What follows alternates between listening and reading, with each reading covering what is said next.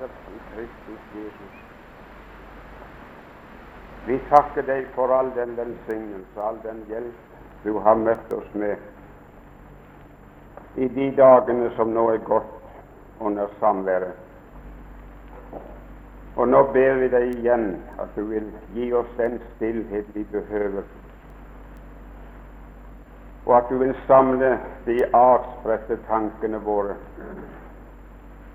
de som kan være opptatt med så mange, mange ting, mange forstyrrende ting. La oss få være uberørt av all den slags. La det bli så stilt at vi kan høre din røst og få se lys i ditt lys. Vi ber om det i Sønnens navn. Amen.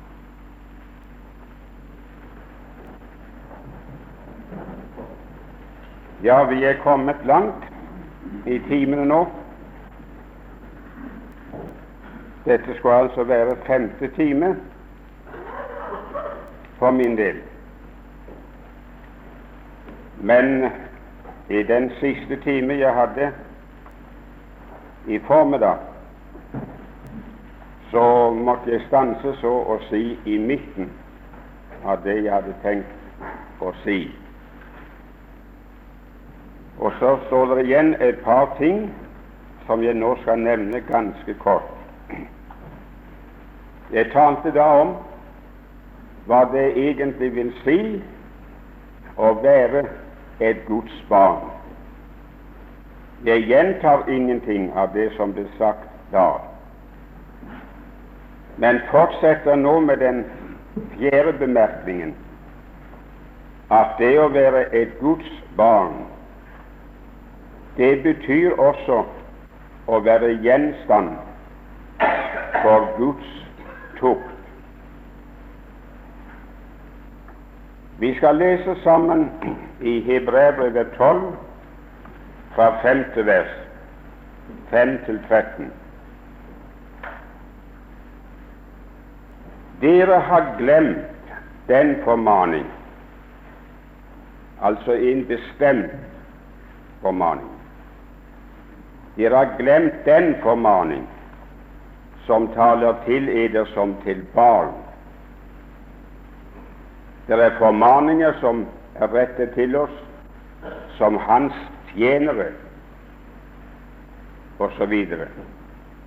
Men det er én bestemt som gjelder oss som barn. Den hadde hebreerne glemt. Og den formaningen lyder Min sønn ikke min tjener, men min sønn, akt ikke Herrens tukt ringe, og bli ikke motløs når du refses av ham. For den Herren elsker, den tukter han, og han hudstryker hver den som han forkaster. Var nå det også galt? Men min venn, jeg hadde mistenkt for at når du får en følelse av at du tok det hardt, endog hudstrykes, så er det bevis for at Gud har forkastet deg.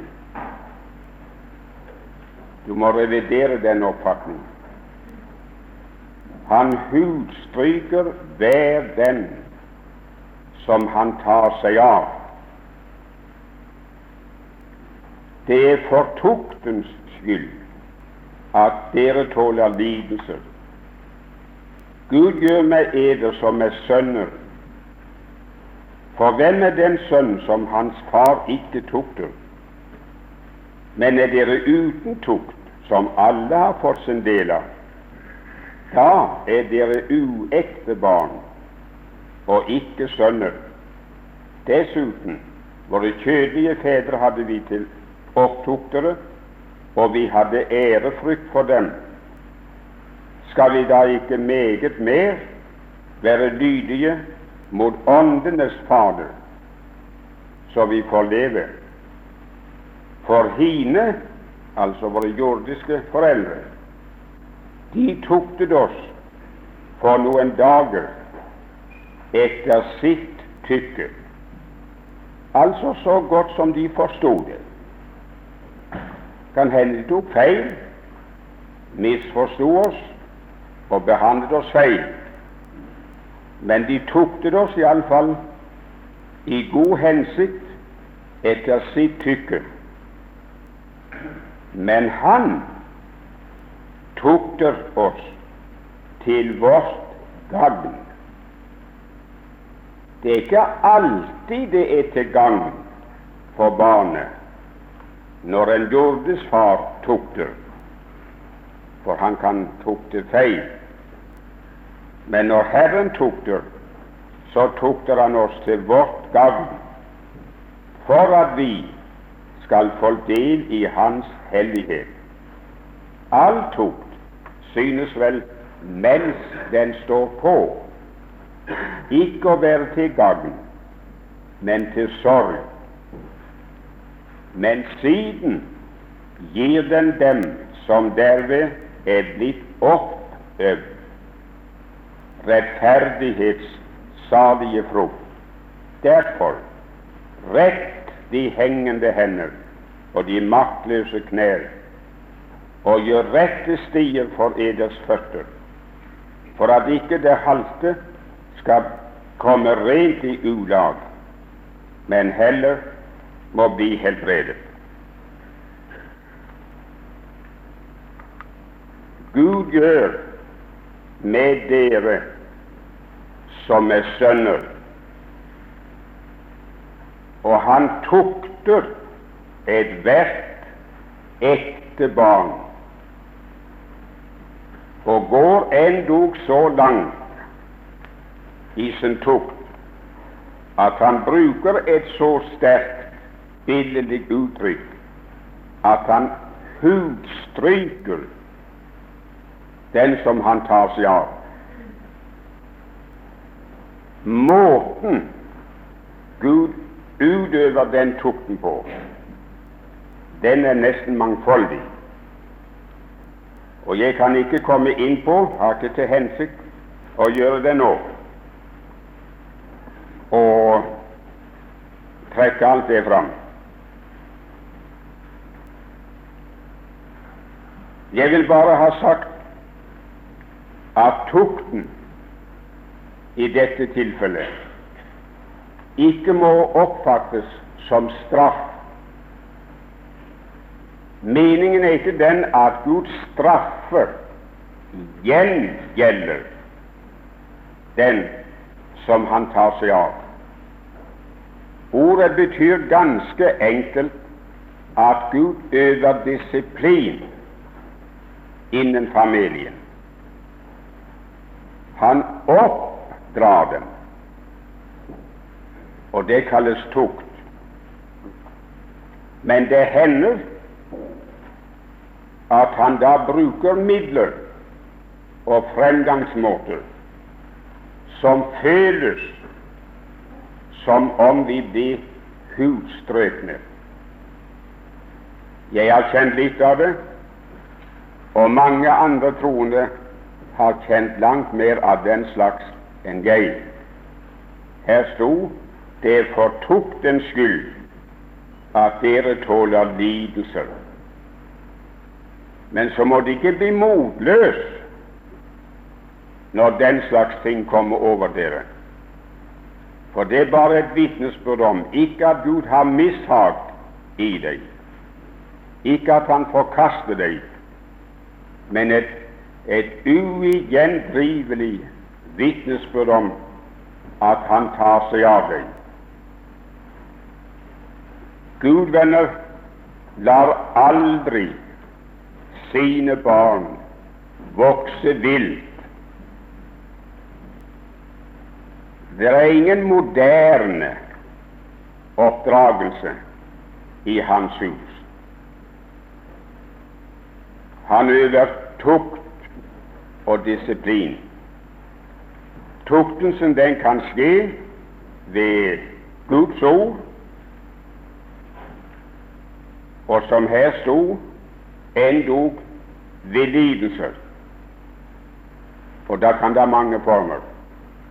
I Hebreerne 4, vers 12, sies det med hensyn til Guds ord at Guds ord det er levende og kraftig og skarpere enn noe tveegget sverd. Så det trenger igjennom. Det, bedømmer, det dømmer ikke bare overflaten og utsiden av vårt liv, men det trenger igjennom og dømmer hjertets skjulte tanker og råd. Det trenger inn der, venner, hvor tankene våre legger egg Egg som ruges ut til handlinger i vårt liv. Og det er i stand til å skille ledd fra ledd. Det blottstiller ikke bare benet, det går ikke bare forbi skinnet, det åpenbare utvortes, men det går igjennom, tvers igjennom benet, og blottstiller selve marven. Så ingenting er skjult, og ingenting går klar hans dom. Og det har aldri, min venn, vært født et Guds barn inn i denne verden som ikke har gjort mer eller mindre erfaring på at det levende ord, det sverd, har dømt ham. Og dømt ikke bare det som andre mennesker uttaler seg om, som de ser som er kritikkverdig, men det dømmer oss for det som ingen annen vet om enn vi selv.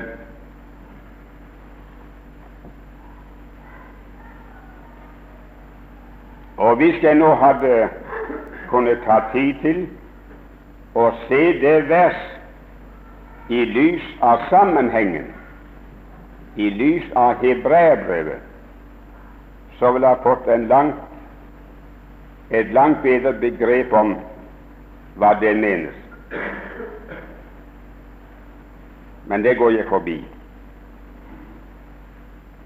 Jeg vil bare ha det understreket og gjenta det at Gud lar ingen av sine barn vokse opp vilt, så de kan styre seg som de vil og følge sine egne lyster. Men han øver disiplin og feller dom over det som må dømmes. Gud hjelpe oss om ikke det var tilfellet. Den andre ting jeg ville ta med, er den at det å være et Guds barn, det betyr at det påhviler oss et stort, et grenseløst, stort ansvar. Et ansvar som vi ikke kan komme forbi.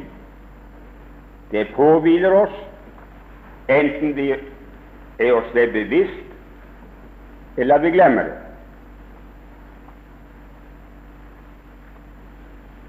Det er mange ting ifølge Skriften som påfører troende mennesker ansvar.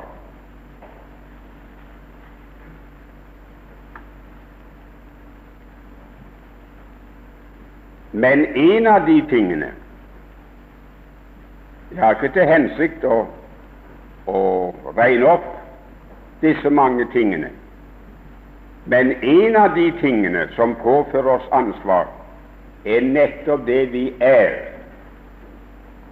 et Guds barn. La meg først sitere noen bibelord. Efeserbrevet 5, vers 8 sier Dere var Det hører fortiden til. Dere var fordom mørke, men nå er dere lys i Herren vandre som lysets barn. I Filippenserbrevet 2, 14-15, der skal vi lese ordet. Filippenserbrevet 2, 14-15.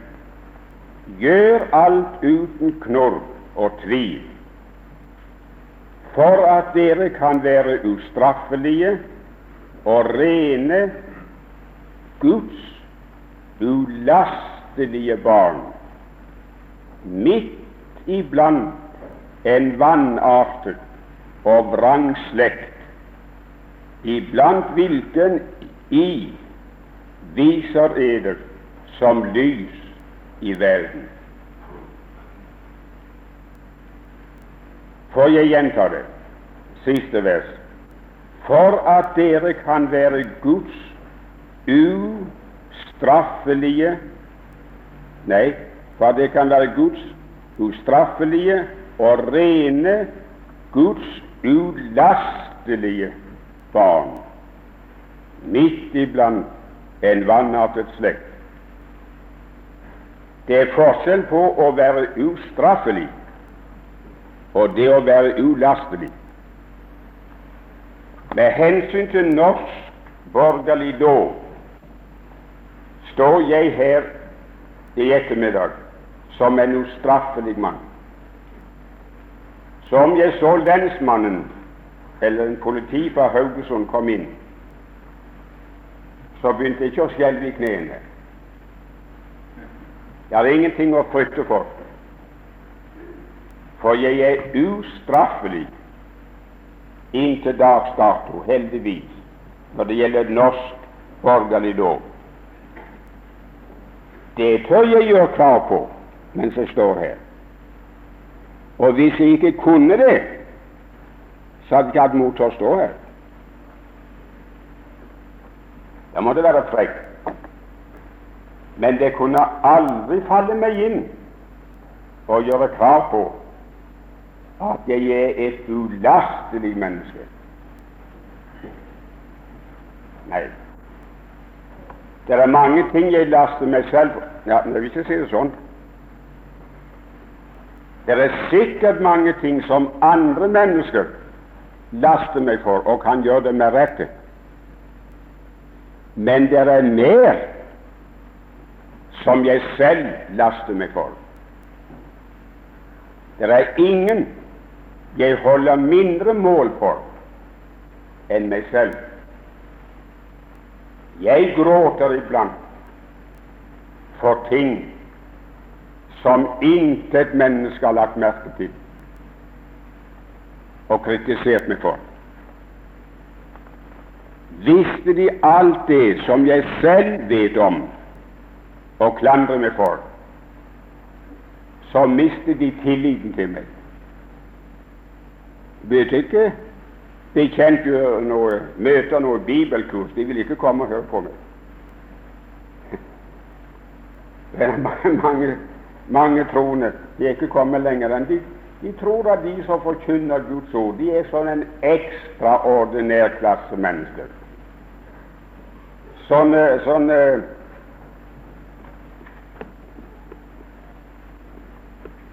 premiemennesker som kan føres på markedet og komme hjem igjen med sløyfe. og hederlig omtale.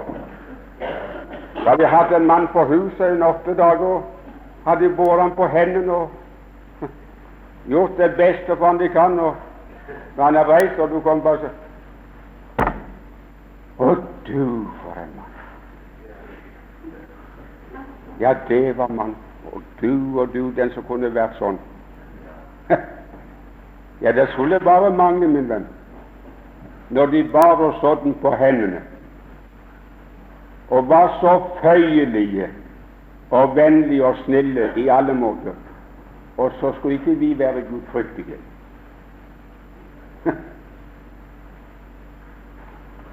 Nei, venner, de skulle bare leve sammen med oss og ha med oss å gjøre i handel og vandel såpass lenge at vi spiste opp i halvskjefte salt sammen. Så vil de finne ut at vi var akkurat mennesker under samme vilkår som alle andre.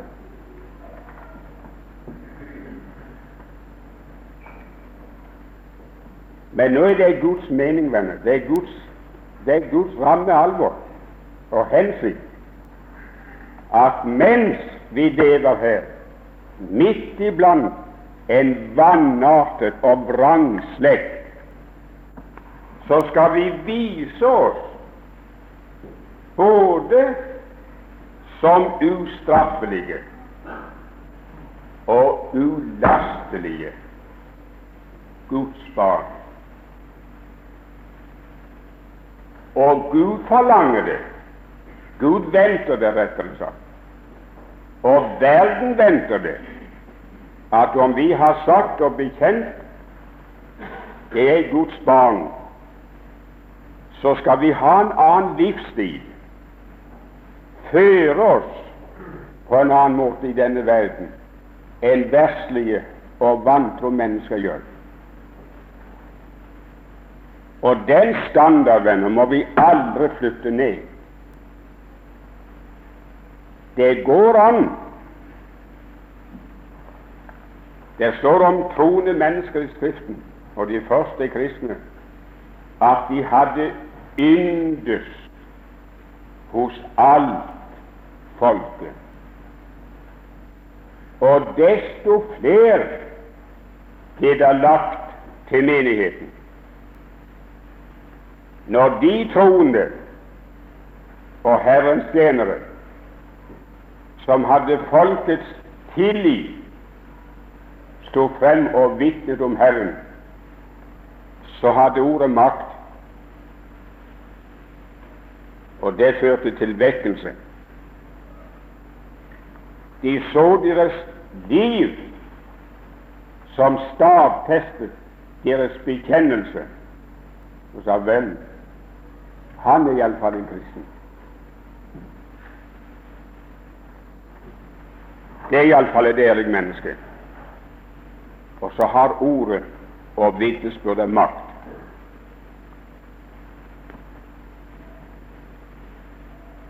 Så står det i første Peters brev, første kapittel, jeg vil lese fra 14. vers. Første Peters brev, første kapittel, og fra 14. vers.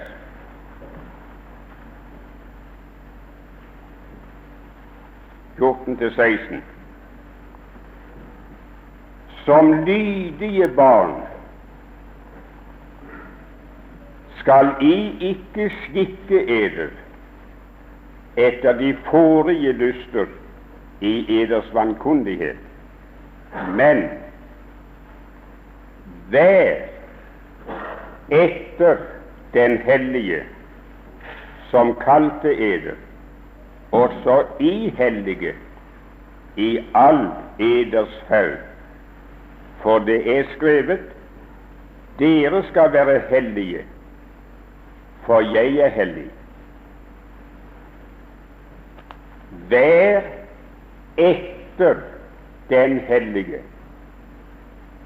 i all eders ferd. Det venter Gud av oss. Det venter verden av oss. Og det bør kristne mennesker vente både av seg selv og av andre.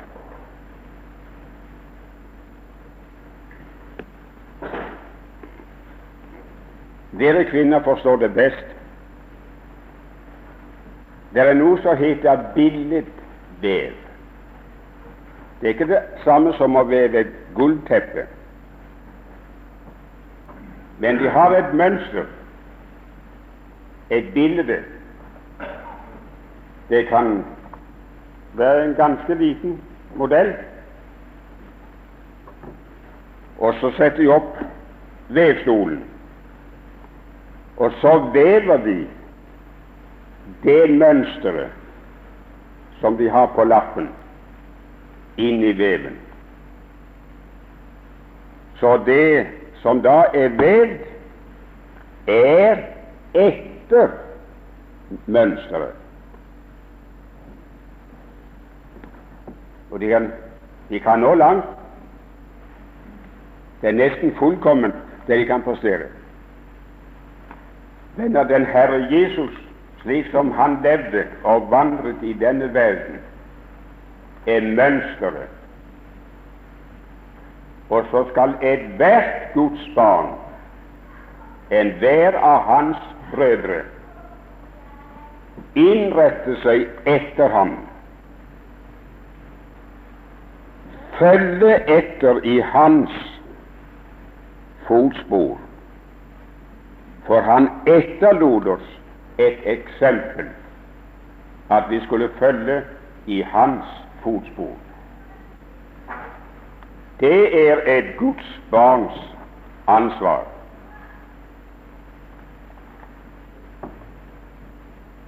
Vi som sitter her under kurset sammen, vi eh, sier og gjør mange ting som ingen kritiserer oss for.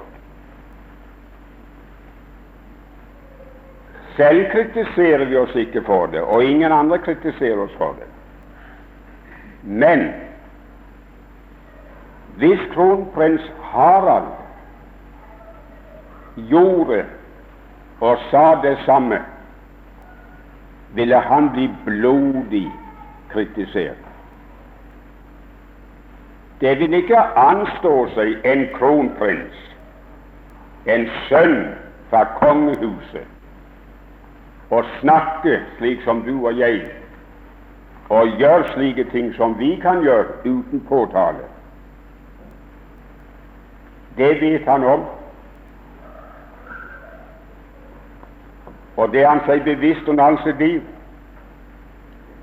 Han er oppdratt og skolert, som i ethvert tilfelle og enhver anledning kan oppføre seg så det ikke faller skam over kongehuset. Og det er nok for Harald når han er ute på reise, å vite jeg er prins, jeg er sønn av kongen så får jeg holde meg på matten. Venner, bare la oss være oss bevisst hvem og hva vi er, at vi er et Guds barn, så vil det hjelpe oss til at vi i de aller fleste tilfeller i livet vet hvordan vi skal stelle oss. Stell oss slik i handel og vandel at det ikke faller skam og vanære over vår himmelske Faders navn. Det er praktisk kristendom. Det er de som mistenker oss for, og ikke minst meg, at når jeg forkynner evangeliet, forkynner nåden, forkynner vår stilling i Kristus Jesus, forkynner alt det vi eier i ham av uforskyldt nåde, det at vi er et Guds barn. Så står Bjerkem og så klapper de og stryker de på kinnet og trøster de. Smør overalt. Det er ikke farlig. Birgit hadde så nøye med livet, med synd og med vandring.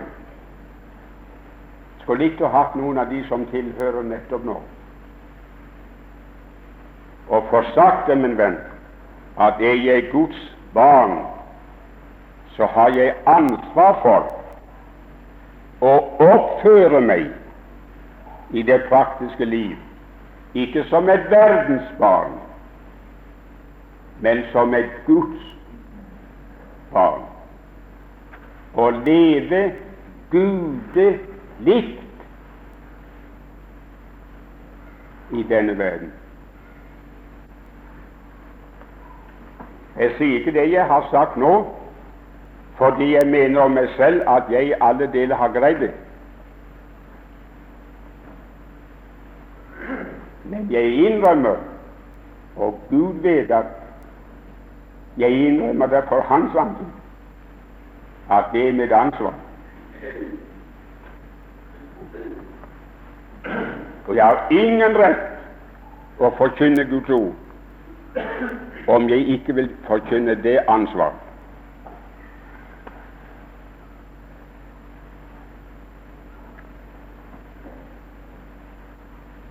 Og så vil jeg ikke ta tid til å si mer om det. Ja, ja, det er det godt det kommer på lydbånd. Så vil de huske på det og merke det, dere, som de lydbåndene blir spilt for. At Bjerkam han snakket om det ansvar som påhviler et barn vi skal være etter Den hellige i all vår ferd. Vi skal ikke leve vilt og ansvarsløst. Så vil jeg begynne å si lite grann om det som skulle vært femte timen. Og de to timene som står igjen, skal jeg da bruke på det som jeg nå begynner med. Og det kan du sette som overskrift sannheten om den troendes to naturer. Den troendes to naturer. Fordi enhver troende har to fødsler. En naturlig og en overnaturlig. Så har han to naturer. Det vil si han har to sinn. To helt forskjellige vesen i en og samme person. Den ene den som vi har i kraft av vår første naturlige fødsel, den er ond og vil det som er vondt. Og den andre, som er født av Gud, er god. Så god som den sæd er ved hvilken vi er født. Og den vil det som Gud vil. Det er det forhold vi tenker på når vi i kristelig tale og forkynnelse snakker om vårt gamle menneske og vårt nye menneske. Det gamle sinn, den gamle natur, og det nye vesen, det nye sinn, som er skapt av Gud etter Hans hellighet. Å kjenne sannheten om de to naturene er den aller største viktighet. Det har jeg funnet ut av egen erfaring, og det har jeg funnet like meget ut av de andres erfaring. For andre troende mennesker, menneskers erfaring til at jeg må si kjenner jeg nokså godt.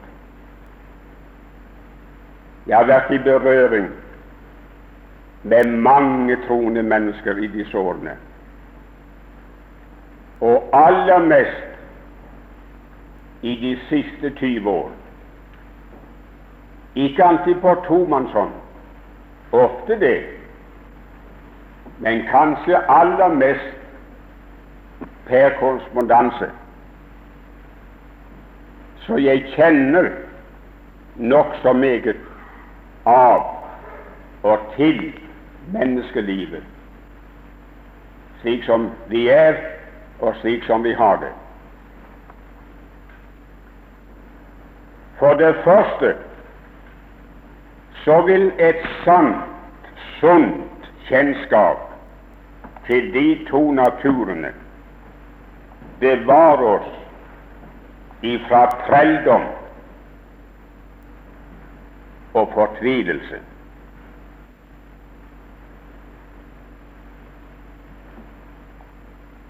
Jeg sier trelldom og fortvilelse. For åndelig, religiøs trelldom ender til slutt, om det ikke skjer en utfrielse, i fortvilelse. Det er den sværeste påkjenning, min venn, som noe menneske kan ha her i verden det å være henvist til å leve i åndelig mørke, i mangel på evangelisk opplysning og i trelldom. Og skal jeg være fri det der, så må jeg kjenne Guds ords om de to naturene. Og for det andre det kjennskapet vil også bevare oss ifra falsk frigjørelseslære.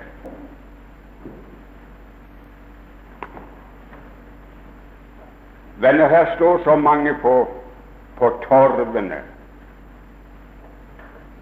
og roper ut åndelige varer kristendomsformer og sier sådan er du. Men slik burde du være. Slik var disiplene før pinsedag. Men se, slik var de etter pinsedag.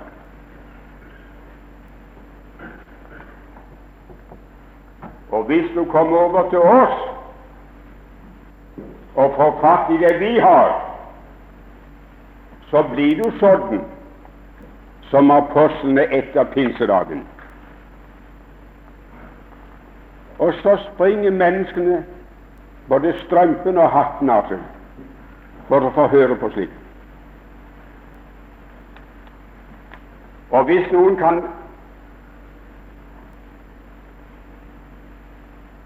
med noe stenk av sannhet påberope seg å ha hatt en åpenbarelse,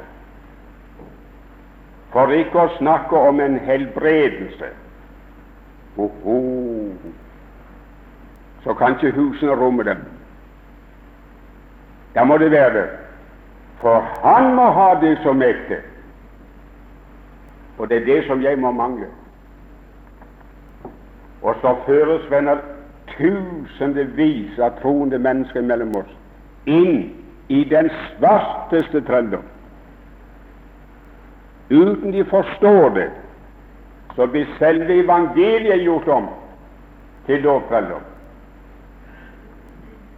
Og lovvesen er aldri farligere i en troendes liv enn når det kommer spaserende i evangeliske klær. Så kjenner ikke Moses igjen. Han er så utstaffert med evangeliske setninger og talemåter at de tror det er selve Kristus som kommer.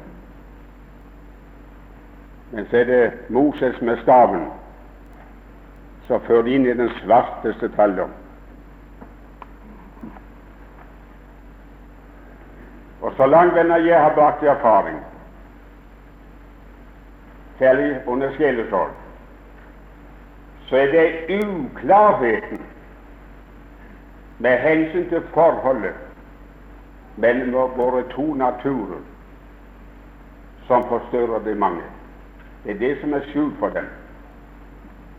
Og så vet de ikke å dømme og skjelne rett, og vet ikke hvor de står i sitt forhold til Gud. Hvis humøret er noenlunde i orden, hvis vi kan sove godt og fordøyelsen er i orden og, og levra i orden,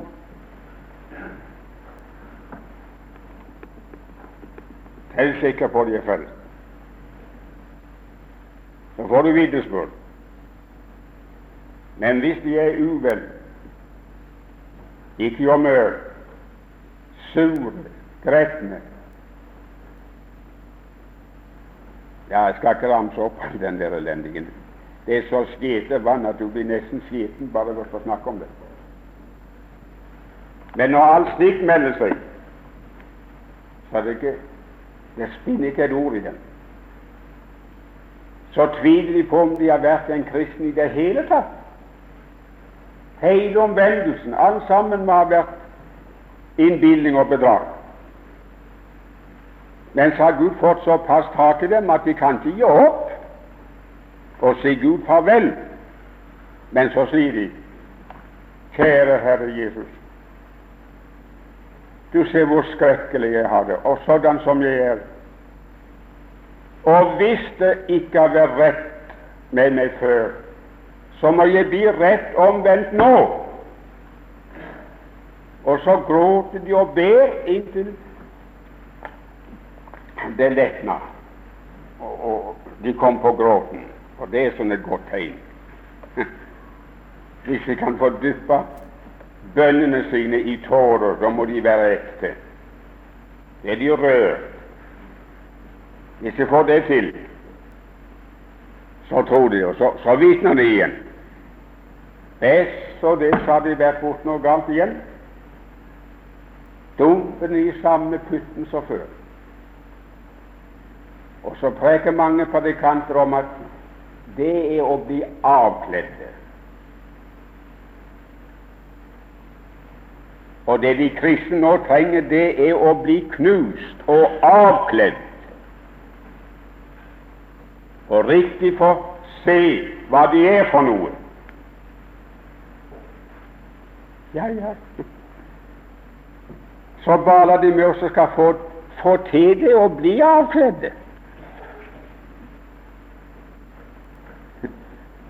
Og det, venner, det er noe av det det verste strev et menneske kan føres inn i. Skal de få det til å være knust? Nå skal de få det til å være naken, splitter naken for Gud, stå i all sin skam, og så virkelig fortvile over dette her, slik at det blir ramme alvor, så de får virkelig bruk for nåden, så det er ikke noe nonsens når de tilegner seg nåden. Så får de ikke til å gråte. Så får de ikke til å bli så knust og så avkledd. Og så får de ikke den nøden som de gjerne ville ha. Og så forstår de ikke, min venn, at de har nød fordi de ingen nød har. Og de gråter her inne fordi de ikke kan få det til å gråte med øynene.